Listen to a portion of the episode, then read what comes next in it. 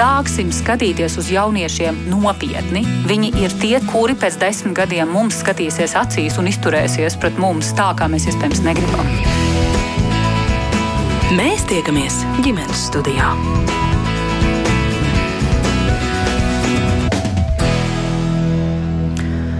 Labdien, sveiciens visiem rādījuma ģimenes studijā klausītājiem. Mans vārds ir Agnēs Linka, un šī rādījuma producente ir Sarmīta Kolāte. Šoreiz saruna par zīdīšanu un zīdīšanas veicināšanu. Kādas iniciatīvas šai ziņā noris Latvijā, kā mazuļu zīdīšana tiek atbalstīta un kas tai liek šķēršļus vai samazina zīdīšanas izplatību. Par to sarunā šoreiz ģimenes studijā piedalīsies ārste rezidenta ginekoloģijā Elīna Vojtehoviča. Labdien! Labdien! Arī dzen ģimenes ārste un zīdīšanas konsultante Katerīna Bulāfa. Rafkina šodien ģimenes studijā sveicināti. Labdien! Un eh, biedrības piena māmas pārstāvi Jūlija Vanka sveicināti. Sveicināti. Arī jūs klausītāji, kā vienmēr, varat pievienoties šai sarunai, ja rodas kādi jautājumi, kaut kas sakāms, piebilstams eh, mūsos klausoties, tad droši rakstiet redzījumam ģimenes studiju no Latvijas radio mājaslapas un iesaistieties šajā diskusijā. Vispirms es gribētu sākt ar jautājumu par to, kāda ir vispār statistika, kas ir jūsu rīcībā par zīdīšanas izplatību Latvijā. Mēs eh, jau pirms mikrofonu ieslēgšanas šeit pāris minūtes parunājoties, eh, sapratām, ka tādu ļoti vienotu monumentālu datu vākumu mums eh, šķiet nav, vai vismaz atšķīrās tie skaitļi, kas ir jūsu rīcībā. Katerīna, sāksiet jūs kā, kā, kā ģimenes ārsts. Labprāt, Jā. jo īstenībā tā statistika, kuru mēs skatāmies, ir no SPKC mājaslapas.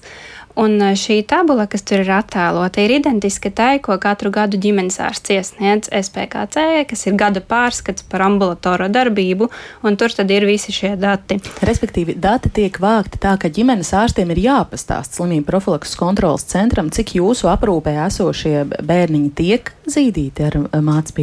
Jā, un ne tikai tas, e, šeit ir dažādas pozīcijas, piemēram, cik no dzimšanas ir saņēmuši mācību, cik ir saņēmuši to pilnas sešas nedēļas, vai arī pirmos sešus mēnešus, pirmos trīs mēnešus, tā skaitā pirmos trīs mēnešus ekskluzīvu zīdīšanu, pirmos sešus mēnešus ekskluzīvu zīdīšanu, un tad arī zīdīšanu līdz gadam. Mm. Līdz gada vecumam. Tur arī beidzas viss tā uzraudzība. Un ko mēs redzam šajos skaitļos? Nu, mēs redzam to, ka uzsāk gandrīz visas mammas zīdīt. Principā visi sāk, bet kaut kādā brīdī šī statistika sāk kristies. Uh, Un jau, teiksim, 2022. gada dati krūts barošana vispār pilnus trīs mēnešus, kas nav ekskluzīvi, bet vispār jebcik vienalga kaut vai vienu reizi pieliek pie krūts, ir 72%. Un sešos mēnešos vispār jebkāda zīdīšana 53%, un līdz gada vecumam 27,4%. Kaut arī ieteikumi no Pasaules veselības organizācijas ir zīdīt bērnus vispār līdz divu gadu vecumam un tālāk pēc pašvēlēšanās. Savukārt par ekskluzīvo zīdīšanu līdz 6 mēnešu vecumam par 2022. gadu ir dati, ka tie ir tikai 16%.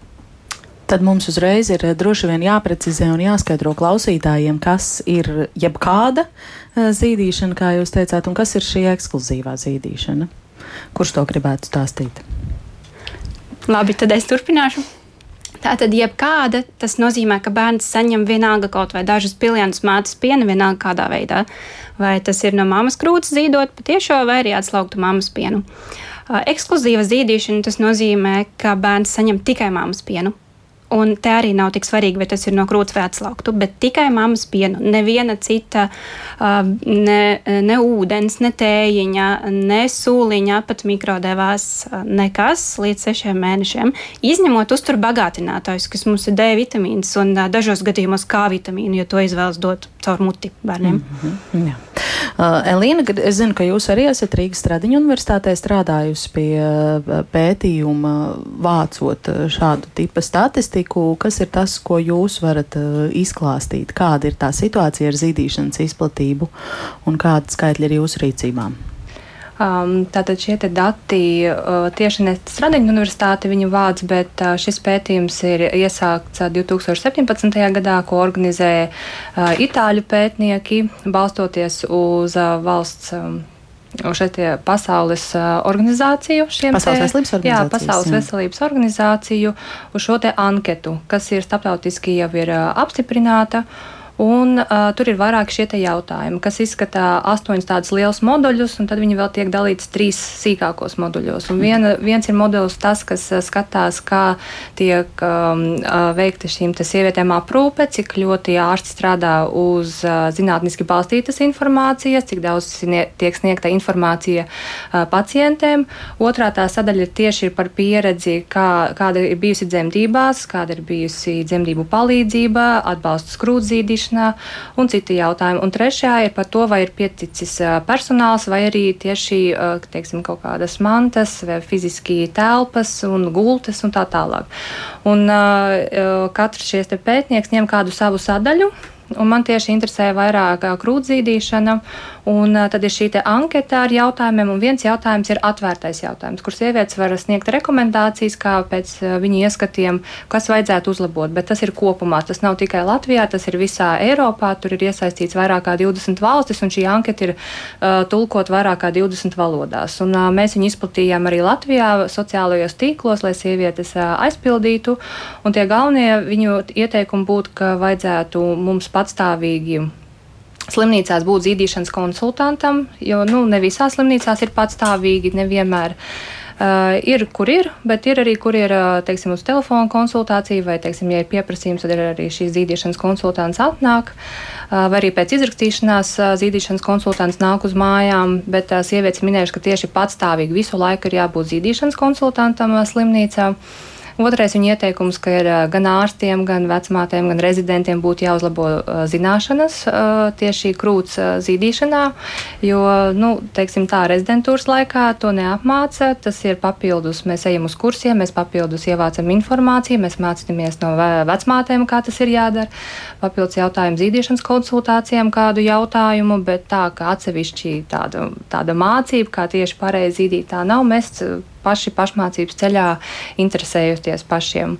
Uh, nu, lūk, uh, tas būtu otrs. Trešais ir par to, ka, uh, ja teiksim, ir kādas uh, pirmākās grūtības krūts zīdīšanā, nepadot. Uh, kā, nepadoties, turpināt ārstiem, rezidentiem, vecmātēm, krūtzīdīšanas speciālistiem, turpināt, iedrošināt, meklēt dažādas pozas, tehnikas, nu, teiksim, vienkārši sakot, nepadoties. Jo citreiz ir tā, ka ir grūtības, nesanāk, un tad ir tāds, labi, mēģināsim kaut ko citu. Uh, un uh, vēl ir tas, ka tur bija piedāvāts, ka katrai sievietei pēc dzemdībām ir obligāti jāaiziet zīdīšanas konsultāte, šī te, uh, nepieciešamā konsultācija. Vēl ir bijuši, ka nenosodīts sievietes par šo barošanas metodi. Uh, un otrs arī, ka um, teiksim, dzemdību zālēs vai pēcdzemdību zālēs ievietot tādu speciālu zīdīšanas krēslus, lai būtu vieglāk uh, zīdīt. Tas bija vēl tāds. Jūs stāstāt par ieteikumiem, bet es gribēju izvilkt no jums kaut ko par tiem skaitļiem. skaitļiem. Jā, vai jūs Labi. esat uh, vākuši šī pētījuma un konkrētā moduļa ietvaros arī kaut ko par to, lai mēs varētu precīzāk saprast, cik tad uh mhm. -huh. bērnu Latvijā tiek uh, nu, zīdīti? Manā šī pētījuma sadaļā bija vairāk šīs rekomendācijas, bet balstoties uz itāļu iegūtiem rezu, rezultātiem, tas nav tikai pa Latviju, tas ir vienkārši kopsumā. Ir šie 40%, kas arī pēc kā, valsts uh, pasaules uh, veselības organizācijas, tas arī tas mērķis ir. Protams, mēs labprātāk vēlētos vairāk, ja, bet uh, viņu šajā pētījumā bija 40%. Konkrēti datu tieši par Latviju nav jo mēs vairāk tieši rekomendācijas, ko mēs varētu uzlabot slimnīcā. Mm.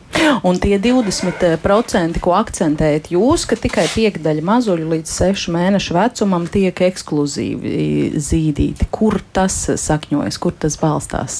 Šie 20. Padomājiet, kāpēc tik maz? Jā, nu, ja te eh, SPKC statistikā parādās citi Jā. skaitļi, tur kopējais Eiropas šķērsgriezums arī ir kaut kāda 40. Tā mēs redzam, ka tie nav simts. Jā. Mēs redzam, ka ne visi bērni. Nē, nē, nu, lai operētu ar kaut kādiem skaitļiem un apgalvojumiem, nu, tad 20 vai 40 vai cik. Kas, kas ir tas cipars, pie kā jūs pieturētos? 16 un 20,9.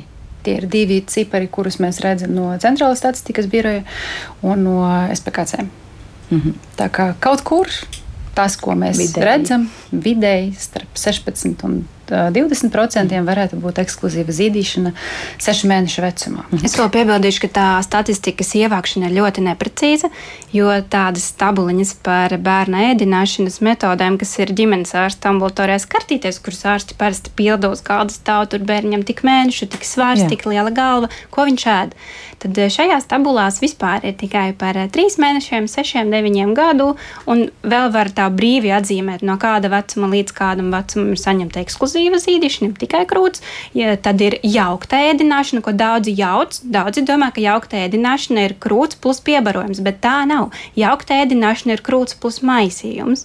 Un tad ir piebarojums. Piebarojuma sākums, nu, ideāli sešos mēnešos, citur jau ir trīs mēnešos abolītis pakasīts, un, un no četriem jau biezaņa burka dienā. Un, tā jau ir bijusi cita tēma. Bet šī statistika, ko mēs ievācām, ir mazliet citādāka nekā tā tabula, kas mums ir jāizpilda vienu reizi gadā. Un tad mums sanāk, ka ārstam vai māsiņai ir jāiziet cauri visām bērnu kartītēm, viena gada vecuma sasniegušajiem, jāizpēta šie dati. Cerams, ka viņi ir aizpildīti tajā tabuliņā. Ja nē, tad ir jāpāršķirsta kartiņa.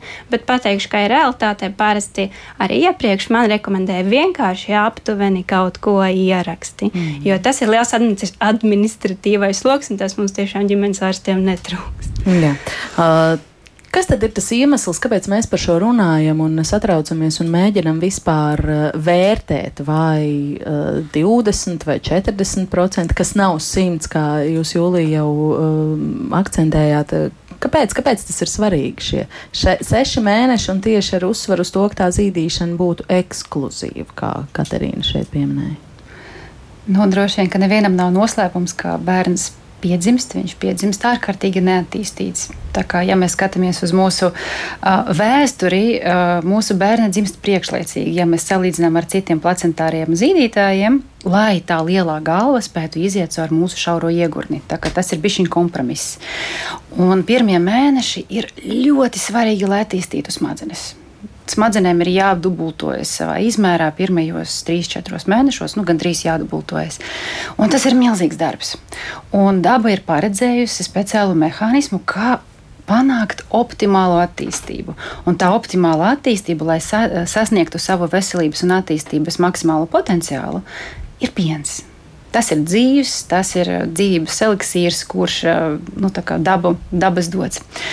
Un līdz sešiem mēnešiem notiek ārkārtīgi daudz procesu, kuriem vajag ļoti lielu atbalstu. Un piens to atbalstu sniedz. Un tieši tad uz sešiem mēnešiem visas sistēmas ir pietiekoši nobriedušas, parādās interese par ēdienu, un tad mazais cilvēks spēj sākt uzņemt piebarojumu, jo jau ir gatavs gan psiholoģiski, gan, gan gremošanas sistēma jau gatavojas tam visam. Un, protams, ka līdz tam laikam ir vēlams. Uh, maksimizēt sistēmu attīstību, un to dara piens. Un tāpēc ir tik ļoti svarīgi, lai bērniņam tiek tas, kas viņam ir dabas paredzēts. Un, protams, ka mēs vēlamies, lai visi bērniņi ir maksimāli veseli. Un, uh, zīdīšana var sniegt lielu artavu tur. Mm. Kas par šo vēl Katrīna varbūt piebilst? Patiesībā tas, ko Jūlija teica, ir tāds parastu cilvēku valodā ļoti vienkārši izskaidrots. Nu, tieši tā mums ir tā, vajadzīgs mums kaut vajag, kā jā. turpināt attīstīt cilvēku. Un, uh, Nav te daudz ko sarežģīt, bet, uh, ja viss būtu tik vienkārši, tad ar to nenoturbotos ļoti daudz organizācijas pasaulē, kā piemēram IPFANS, UNICEF, tas pats uh, Pasaules veselības organizācija, kas nav tikai trešo, trešos pasaules valstīm, tas ir visiem. Mēs visās valstīs gribam saviem bērniem labāko iespējamo attīstību. Un vēl ir tāda lieta kā uh, Infant and Young Child Feeding Strategy jeb uh, viss, kas ir saistīts ar uzturu bērniem līdz trīs gadu vecumam. Kodeks vispār attiecās kodeks, kas ir mūsu lielā tēma šodien, attiecās uz visu pārtiku bērniem līdz trīs gadu vecumam. Tas uh, nav likums, bet tas, tā, ir, tā ir tāda nu, rekomendācija, iniciatīva, tāda normas uh, virziens.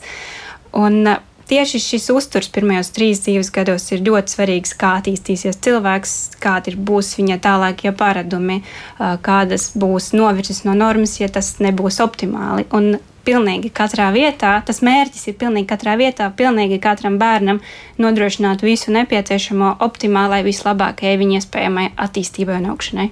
Mm -hmm. Elīna, vēl kas piebilstams par šo?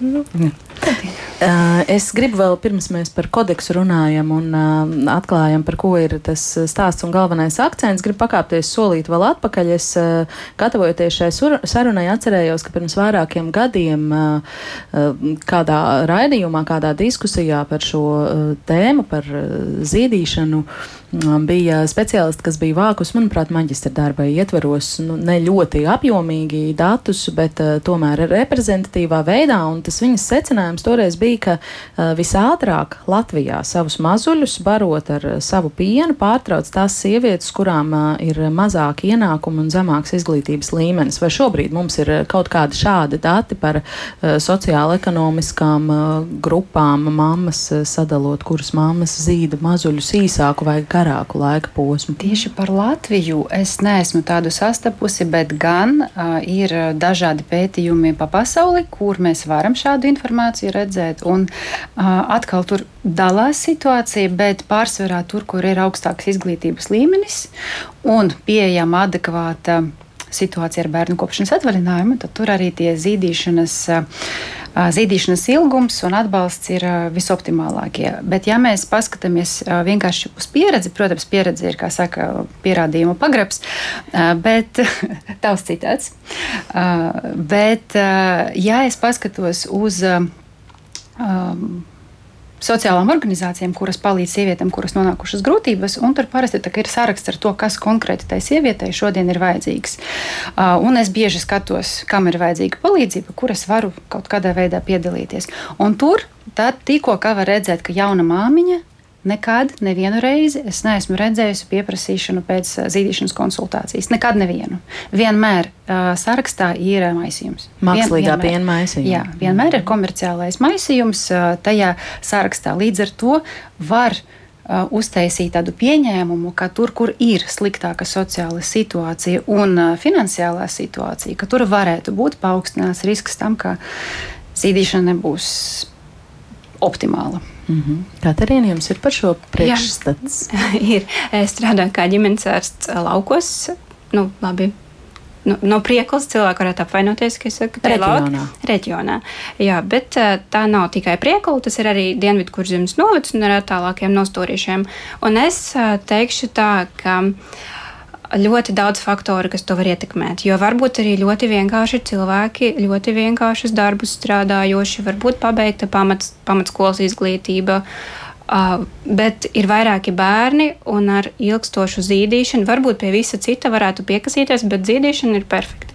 Un tad ir ģimenes, kuras ir ar visu nodrošinātas, vairāki bērni, pieauguši, stabili vecāki, un zīdīšana ir vien, vienu mēnesi jo palika grūti, vai, vai sieviete devās darba gaitās, kā es to darīju, pēc ļoti, ļoti īsa laika perioda, un, un viss, un tad liekas, tad kāda zīdīšana, ka jāiet strādāt, un viss tas būs ļoti atkarīgs no tā, nevis kāda vispārīga ir cilvēka izglītība, bet specifiska izglītība, specifiskas intereses, tas, ko jau grūtniecības laikā cilvēks interesēs dara. Tad jāpieņem lēmums, ir vai zīdīšu vai nē. Nevis tā, ka kā, kā nu tur būs, tā nu darīšu, jo tad parasti būs tā, ka nedarīšu, jo būs grūtības, pārsvarā ir.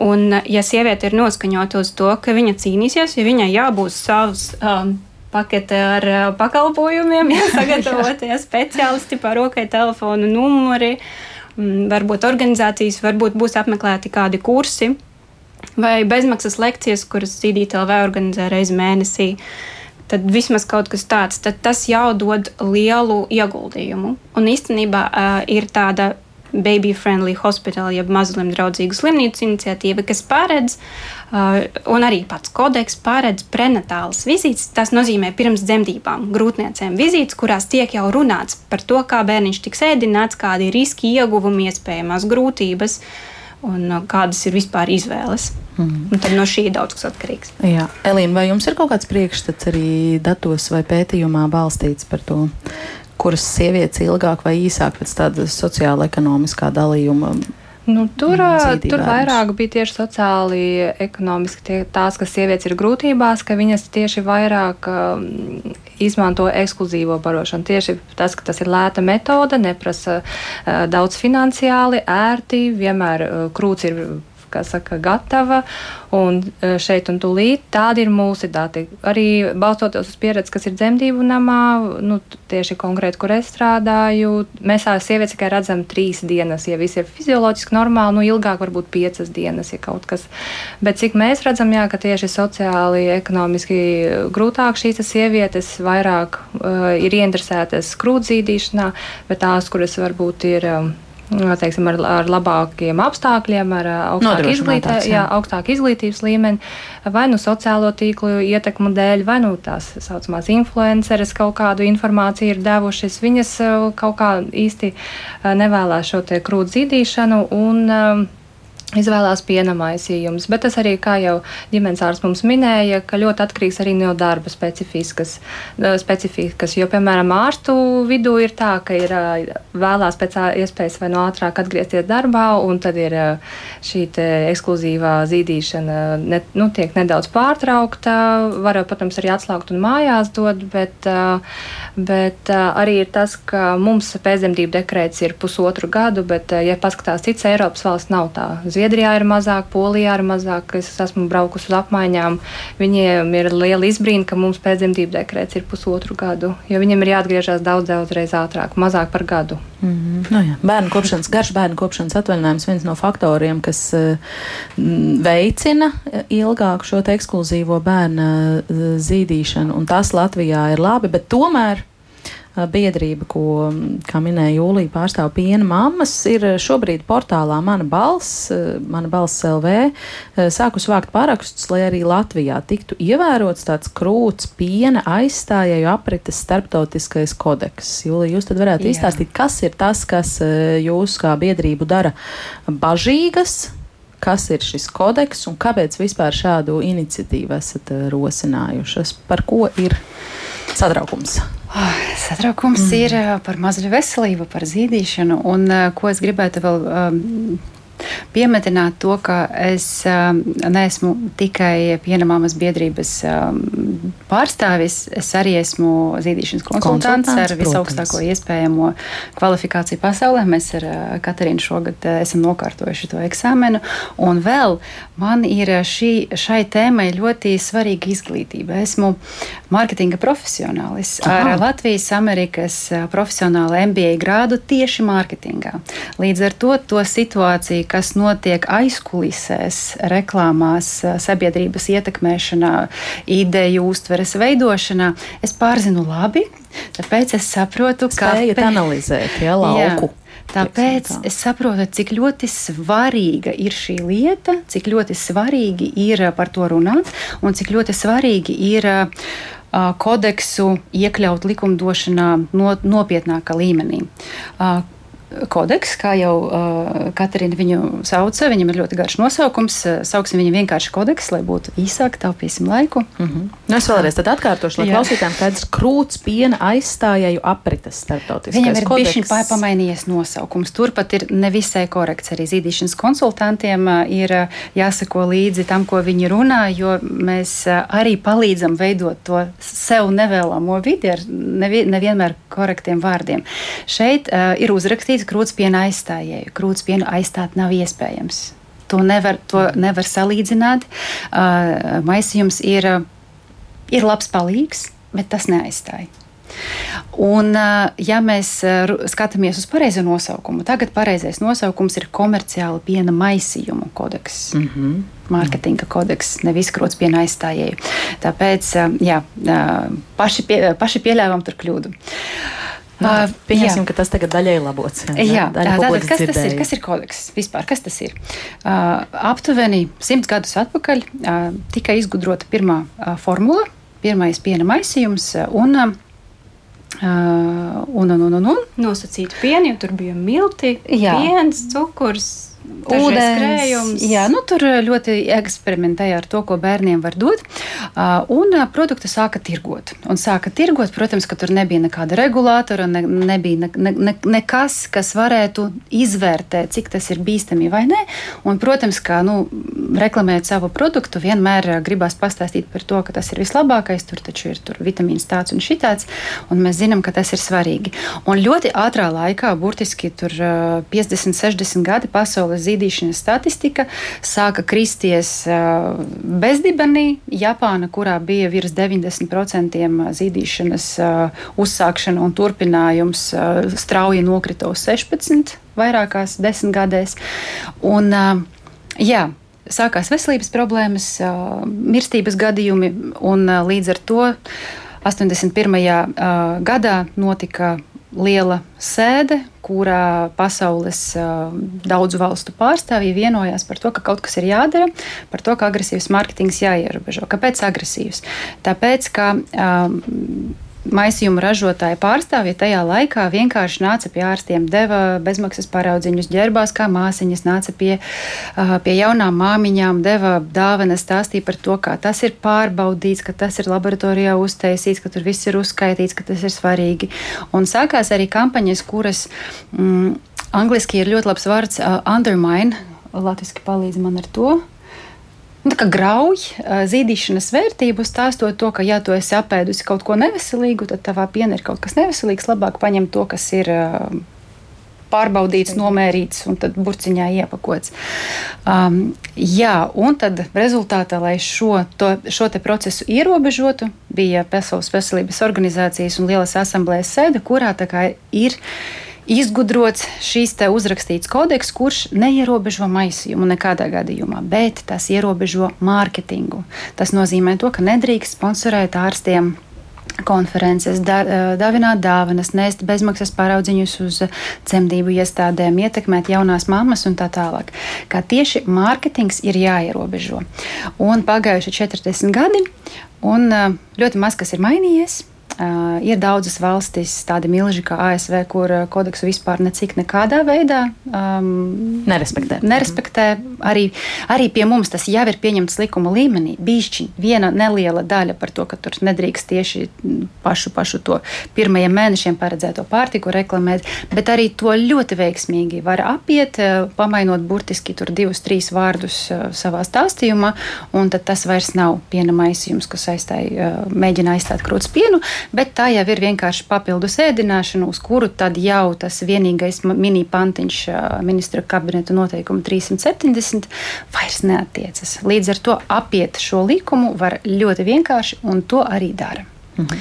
Un tad, ko mēs gribam panākt? Mēs gribam panākt, lai par to sāktu runāt, lai sāktu skatīties tajā virzienā, un lai nebūtu tiešas ietekmes uz, med uz mediķiem un uz jauniem vecākiem no maisījuma ražotāja puses. Mm -hmm. Man viens papildu jautājums, es jūsos klausoties un arī lasot pirms tam par šo iniciatīvu, domāju par to, ka te tik pieminēts un iezīmēts, ka 1981. gads, kad kodeks ir ticis izstrādāts, un jūs arī pieminējāt savā stāstījumā vēl senāku pagātni, bet kāda ir tā situācija, nu, 40 gadi un vairāk ir 81. Un vēl. Kāda ir tā situācija šobrīd? Kas jums liek vai ļauj apgalvot tieši par šī brīža situāciju Latvijā, kā mākslīgā piena maisījuma reklāma ir mārketings agresīva un, un uzskatām par tādu tieši šobrīd? Oi, tieši šobrīd diezgan vienkārši. Ir uh, lieli mediju milži, nosauksim tā, kas ir vērsti tieši uz māmiņām, kurus sponsorē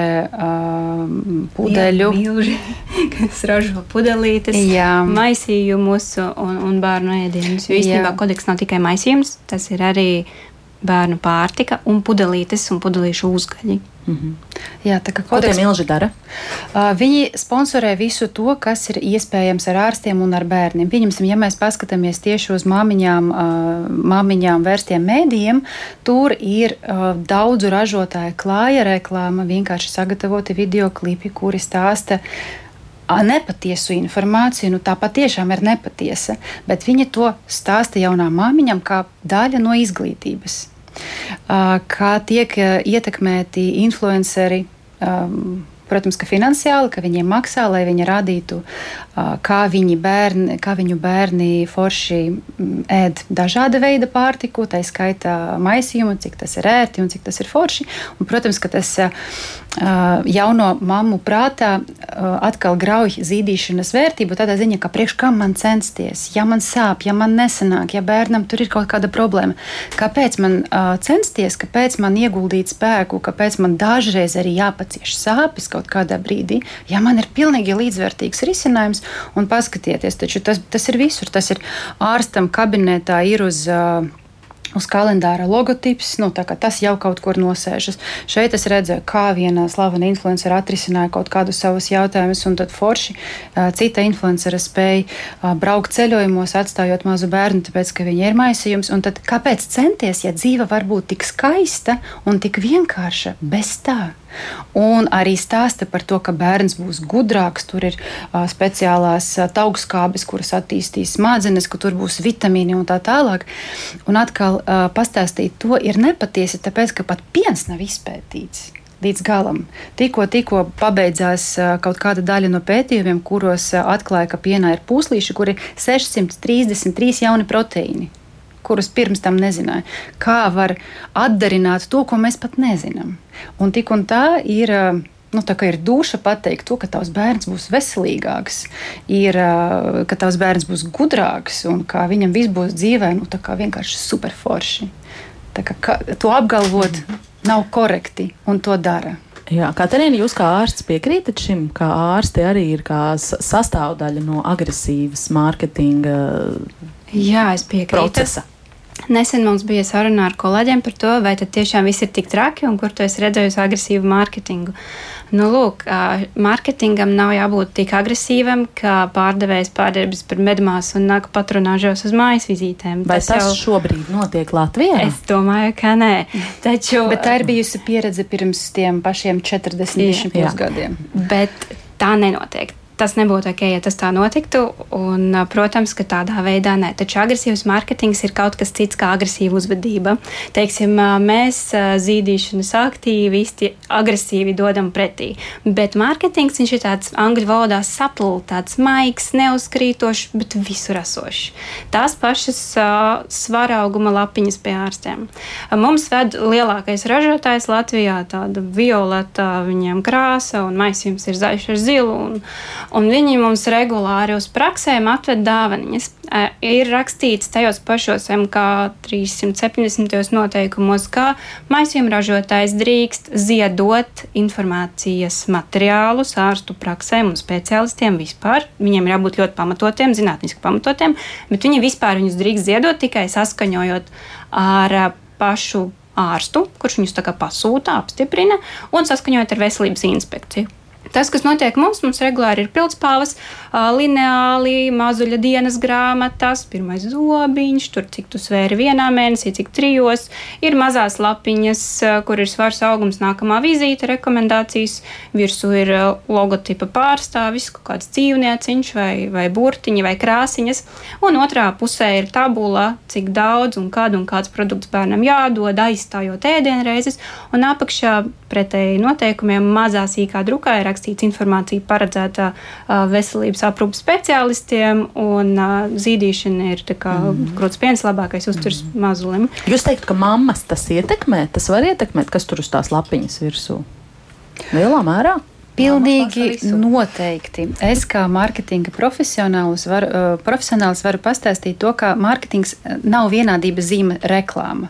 Mārketings tas ir veids, kā produkts aiziet līdz gala patērētājiem, un tur ceļi ir dažādi. Protams, ka viens no tiem ir patieši pateikt, mans produkts ir labs. Otrs ceļš ir saprast to, ka uh, kur ir tas lokus, ku, pa kuru es varu ienākt. Tā, tā, es tagad nestāstu. Nemanot ienākt nemanot. Es tagad nestāstu par to, ka konkrēti maisījums to dara slikti. Tā ir uh, normāla taktika visā mārketingā. Ja tu gribi iet ar savu produktu uh, pie potenciāla patērētāja mājās, tev ir jāmeklē tas saucamais occasion, tas gadījums, kurā tas produkts varētu būt izmantots. To dara visi. Uh, un tad šajā gadījumā tiek meklētas kaut kādas sāpes, kaut kādi problēmi, uzticības punkti, kurš ir viedokļa līderis, konkrēti tam, tam cilvēkam, kuru es gribu dabūt savā auditorijā. Kurš ir viedokļa līderis jaunām mamām? Nu, protams, kā ārsts. Nu, noteikti, ka ārsts, tā vajadzētu būt. Mēs cerētu, jā, nevis influencere. Jā, ārsts taču nosvers, paskatīsies, vai ar nābiņu viss ir kārtībā, vai svārs nāk labi, vai ar bērnu attīstību, ar refleksiem viss ir kārtībā. Tā ir tā persona, kura, nu, kurai uzticas visvairāk. Nu, normā tā tam vajadzētu būt.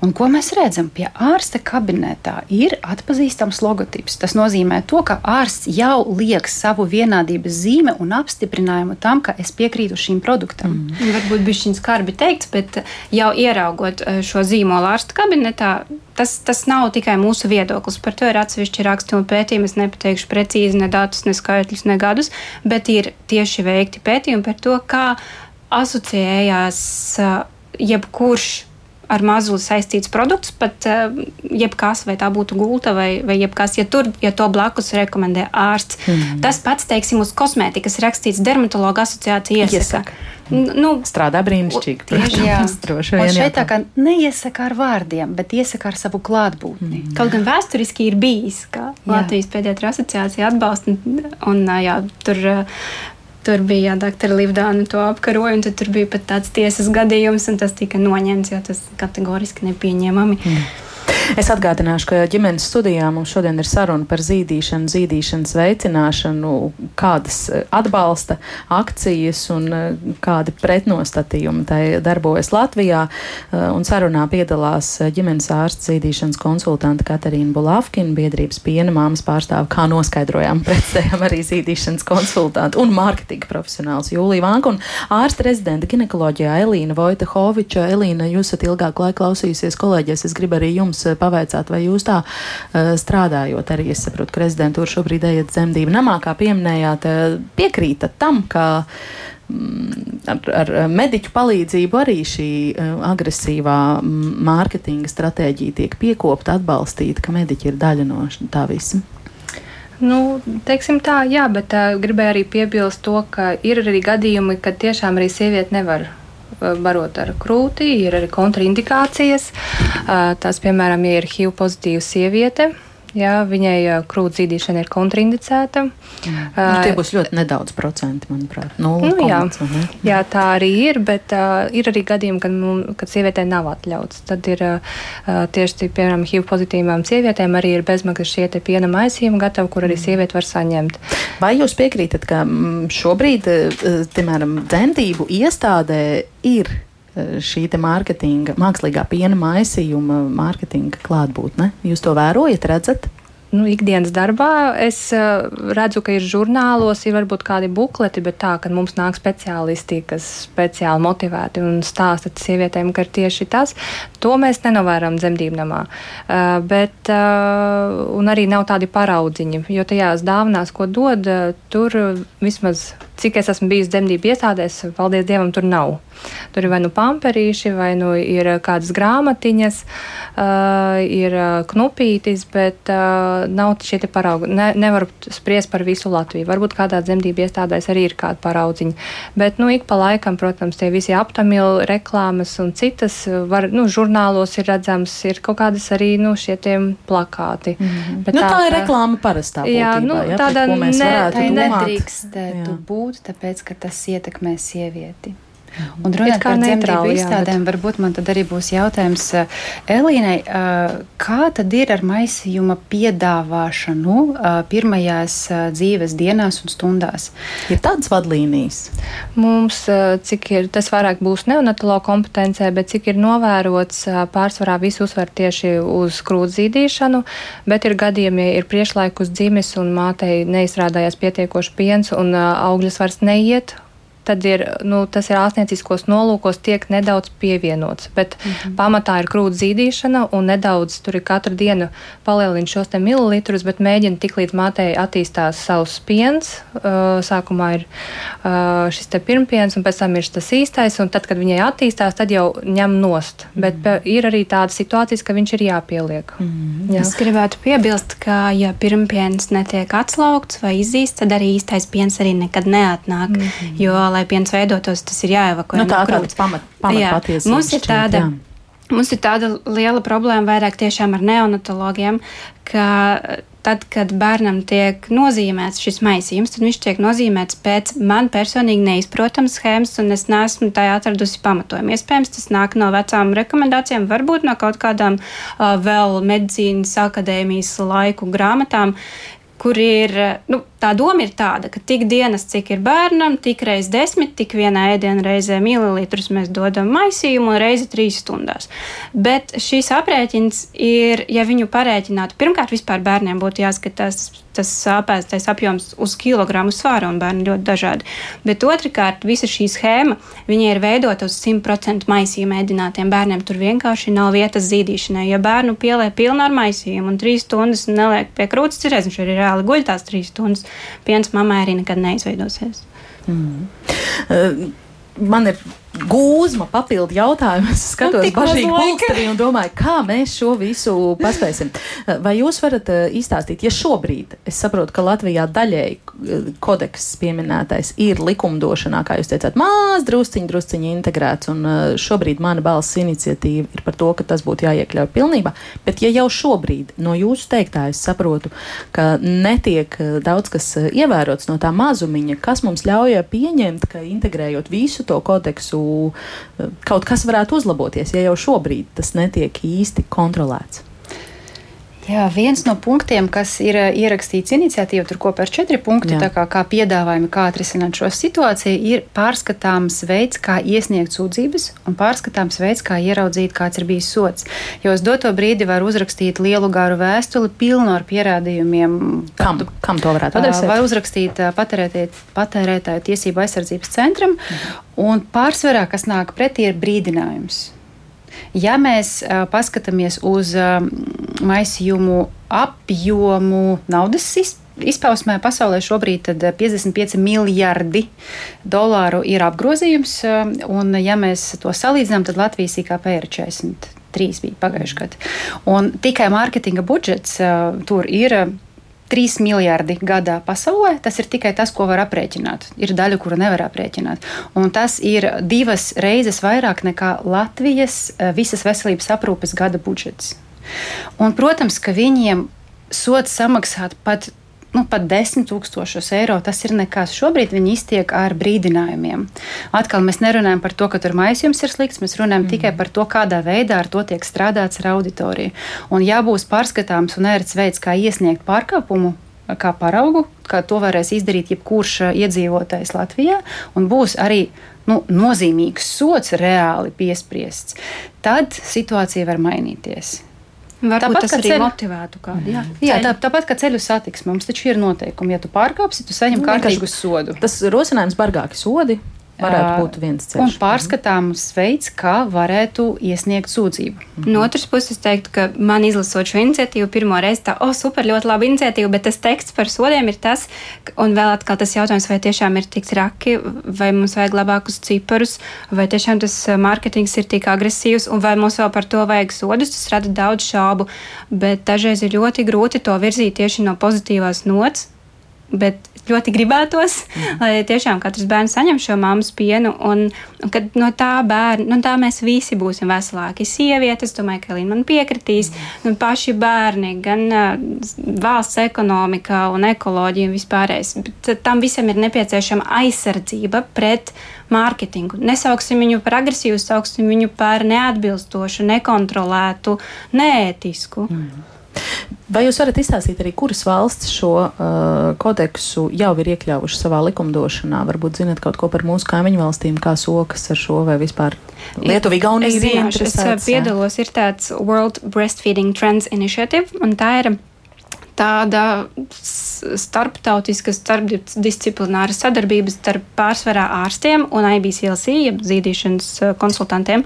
Un eh, katru gadu notiek monitorings ar to, kādi kodeksa punkti un kādi kriteriji kurā valstī cik lielā apmērā tiek izpildīti. Mhm. Par nu, mūsu kaimiņu valstīm bet, īsti jā. nav. Jā, bet eh, tas, tas ir atrodams un periodiski tiek uh, izveidots šis žurnāls. Ar, pa, tur ir dažādi indikātori, piemēram, bērnu kopšanas atvaļinājuma ilgums, atbalsts, izglītība, daudz dažādu punktu pieejams publiski. Tad, kurās valstīs ar to veids labi un kurās netik labi? Īstenībā vislabāk veicas tādās uh, vidēji trūcīgās valstīs. Jo? uh, grūti teikt, kāpēc, bet iespējams tieši ar šo pašu budžetu. Uh, budžets, ko var iztērēt maisījumam. Mm -hmm. Un ko nevar iztērēt. Un, un, uh, tur ir jāpēta ļoti padziļinātāk, un tā noteikti ir atsevišķa tēma un atsevišķa pētīšanas tēma, kur ir vairākas stundas darba, lai to visu pierādītu, bet ir skaidrs, ka tas notiek. Un es piedalos tajā sarakstā. Diemžēl par Latviju mēs vēl neesam iesnieguši nekādus datus, jo tur ir milzīgi papīra darbi jāburas cauri likumiem, statistikām. Kā jau mēs saprotam, statistika vienos ir tāda nu, vidēji labi ievākta. Mm -hmm. Gribētu vēl ko piebilst, man liekas, ir vēl kā telpa. Es jau aizmirsu. Jā, labi. es uh, vēl iepriekš klausoties uh, jūsu teiktajā, uh, Katerīna, manuprāt, vairākas reizes pieminēja, ka tāda fizioloģiska, dabiska zīdīšana tur būs grūtības, ka tas bieži nesanāk, ka tur būs sāpes un vēl kaut kas. Un tad es tā aizdomājos, jā, kāpēc tas tiek vairāk kārt pieminēts, jo vienojāmies arī dabisks, fizioloģisks, bērnam labākais, mammai ļoti veselīgs, ekonomiski ļoti pamatots veids, kā mazulī pabarot. Uh, Bet, eh, ja daba visu ir tā forši mums iekārtojusi un paredzējusi, tad kāpēc visu laiku tiek akcentēts tas, ka tur būs tās grūtības tajā zīdīšanā? Nu, nav obligāti būs, bet ir tāda viena ārkārtīgi interesanta lieta par cilvēkiem un citiem augstākiem primātiem. Tie, kuri mani pazīst, viņi zina, ka es visu laiku pieminu dabu, evolūciju. Man ārkārtīgi patīk skatīties, ko dara citi, eh, lasu antropoloģijas eh, grāmatas rakstus. Man ļoti saista, jo es to uzskatu par kontrolu grupu cilvēkam, kurā nav kultūras ietekmes. Nu, vod, tad, ja mēs paskatāmies uz cilvēku, tad uh, vecāku uzvedība nav mūsos iebūvēta. Mūsos ir iebūvēti uh, refleksi, kaut kāda daļa no tā, bet tieši ko un kā darīt, mēs nezinām. Nu, piedzimstot. Un, uh, ir tā, ka to mēs mācāmies no mūsu apkārtējās vides. Un, ja ģimenē ir jaunāki bērni, ja dzīvo paplašinātā ģimenē un redz jaunus bērnus, kā viņi izskatās, cik bieži viņi raud, kā viņi guļ, ir pieredze ģimenē, kā bērnu pielikt pie krūts, ja kaut kas nepatīk. Bet, uh, diemžēl, šobrīd ģimenes mums ir nukleāras. Parasti bērnu jaundzimušo pirmo savā mūžā redzam. Nu, vat, man piedzima, es ieraudzīju tā, tuvumā pirmo jaundzimušo. Ko ar viņu darīt, kā viņu likt pie krūts? Un tad tur arī sanāk, nu, kā pagadās. Tāpēc, ka nav tās pieredzes, nav atbalsta. Un līdz ar to, ja bērnam pieņemsim, bija dzemdībās kaut kādas grūtības, un viņa mēlīte nekustās optimāli. Viņš var satraumēt krūtsgalu, un ir jāzina, kā viņš ir jāpagriež, lai mēlītei, lai mutītei būtu ērtāk. Ja mamma ir kaut kāda īpatnība ar krūtsgaliem, pārsvarā visi krūtsgali ir normāli, bet dažreiz sievietēm pasaka, tev ir ievilktie, tu nevarēsi, un viņa uzreiz jau sāk domāt, ka viņai nesanāks, un pie pirmām sāpēm viņa sāk padoties. Un sāpes ir normālas fizioloģiskas pirmās trīs dienas, kamēr āda pierod pie tādas slodzes, kura tur ir.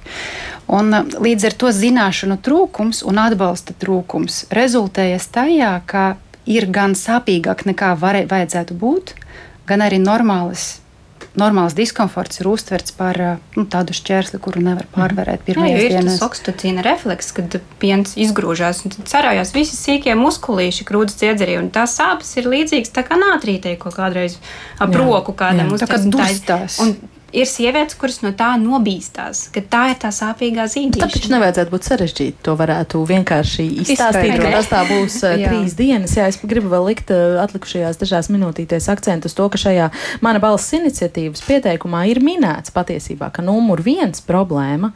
Uh, un, un cēlonis pāragrā zīdīšanas noslēgšanai vai samazināšanai ir zināšana un atbalsta trūkums, es citēju, no speciālistiem zīdīšanas jautājumos. Ko ar to iesākt? Man šķiet, ka tad pirms 11 gadiem, kad piedzima mans pirmais bērns, jau skatoties visas slimnīcas, cemdību nodaļas, papētot kaut kādu informāciju, visur jau bija rakstīts, ka um, zīdīšanai draudzīga dzemdību nodaļa, un tas bija plakātos pie sienām uzsvērts, un es domāju, 11 gadi pagājuši, un joprojām mēs tomēr neesam tikuši uz priekšu tajā tieši Var noņemt speciāli. Visi tie plakāti būtu jānoņem, jo šī iniciatīva Latvijā ir beigusies jau vismaz desmit gadus, tā netiek sponsorēta un netiek pāraudzīta. Tāpēc tāpēc jebkurš šis plakāts ir meli. Tāpēc, ja jums ir dāvaniņā knupis, tā nav bērnam draudzīga slimnīca. Mm. Jā, ja tā, tas mm. nav vienkārši, kur ir personāls draudzīgs un veicina, kā, jā, zīdi, tu esi laba mamma, turpini tā darīt, pacieties, tev sanāks. Tas nav zīdīšanas atbalsts. Tā, tā, tā, tā, ir, tā ir vesela iniciatīva. Izglītība, mm. lai būtu iekļaut obligāti uh, nu, iekļauts normāls zīdīšanas stundu daudzums visu speciālistu apmācībās. Jā, mums, mums nav. Mums ārstniecības mm. likumā ir aprakstīts, ka ir vecmātēm zīdīšanas higiēna. Es kā IBCLC nezinu, kas ir zīdīšanas higiēna. Un neonatologiem visvairāk par zīdaiņu jaundzimušu ēdināšanu. Visiem pārējiem bišķiņ tur krūts barošana. Cits tie termini tik ļoti atšķiras, ka likumos atrast kaut kādu kopsauci ir ļoti grūti. Mēģināju. Mm. Nu, jā, un mums nav šīs izglītības ne pamatstudijās, ne kursos, ne rezidentūras laikā. Mēs mēģinājām ieviest TRSU zīdīšanas medicīnas pulciņus. Starp citu, ir tāda vesela disciplīna kā zīdīšanas medicīna, tikai ne pie mums. Un kursi, kas ir ārstiem, kurus uh, vada neonatoloģi no jūrmālas slimnīcas, draudzīgi, it kā mazuļiem draudzīga slimnīca, kādreiz mazlim draudzīga neonatoloģi. Tie kursi ir astoņas stundas gari, maksas, izvēles, un viņus pat nevadāja BCLC neonatologs tikai. Mūsu, mūsu izglītība ir vismaz 500 stundas katrai tieši par zīdīšanu ar to saistītiem jautājumiem. Astoņās stundās neko nevar iegūt. Jā. Un Elīna arī jau stāstīja to, ka pašmācības ceļā gribot iedziļināties. Ja vēlās, jā, gribās iedziļināties, atlasa papildus literatūra, iet kopā ar zīdīšanu speciāli pie sievietes, skatās, kā jāpieliek, kāds pozas jo pamatstudijās to neapmāca. Mm -hmm. Bet Jā. tagad, klausoties kolēģi teiktajā, ja jums būtu, piemēram, sava šī brīža rezidentūras vieta Rīgas dzemdību nams jāvērtē, ir zīdīšanai draudzīga jūsu iestāde? Nu, mēs cenšamies. Nu, sanāk dažādās iestādēs, kā sanāk, bet, protams, motivējam, cenšamies, palīdzam, cik varam. Um, Mm. Nu, kā Noteikti ir, ir daudz jā. labu atsauksmi par visiem dienām. jā, es eh, īsti nolasīšu Edītas rakstīto, vai viešņas domā, ka vispār būtu jāaizliedz maisījuma reklāma kaut kādā ziņā, taču arī tur ir reklāma, jo atbilstoši reklāmas likumam reklāma nedrīkst būt maldinoša, vai liksim kā cigaretēm virsū neglītas bildes ar slimiem bērniņiem. Nē, tas ir pārspīlēti, bet visu reklāmu gan mēs ņemtu ārā. Jā. Ja, jo šā informācija, šī ir ļoti kritiska informācija. Zīdaiņu mazu bērnu ēdināšana, tā ir jānāk tikai no profesionāļiem. Tā nevar nākt no reklāmas. Jūs taču neskatāties, nu, labi, ir ļoti daudz zāļu reklāmu, bet tāpat jūs taču nepaļautos uz reklāmām vien savus veselības aprūpas jautājumus. Jā, Tad kāpēc uzticēties mm. par zīdoņu ēdināšanu? Nu jā, varbūt eh, pavisam pēdējo, pēdējā mirklī vēl tāds, nu, jā, iespējams provokatīvs eh, jautājums, bet es ticu, ka jums arī uz to ir jau gatava atbilde.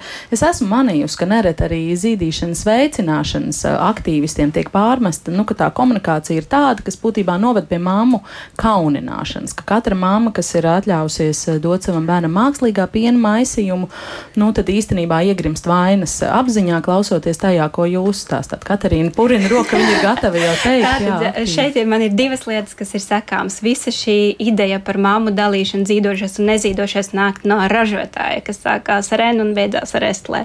Tā ir viņa reklāma oriģināli, kurā. Nu, tā ir īsta reklāma. Tieši īsta reklāma, kurās notiek mammu kaujas. Tā kā šeit ierodas pupu policija, apmēram reāla lieta, pameklējiet.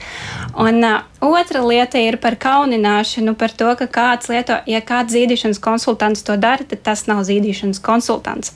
Tāpēc, ka mēs strādājam ļoti daudz ar maisīm, ar jauktu ēdināšanu, ar pārēju uz, uz zīdīšanu no maisījuma, tas, tas ir pilnīgi negodīgi.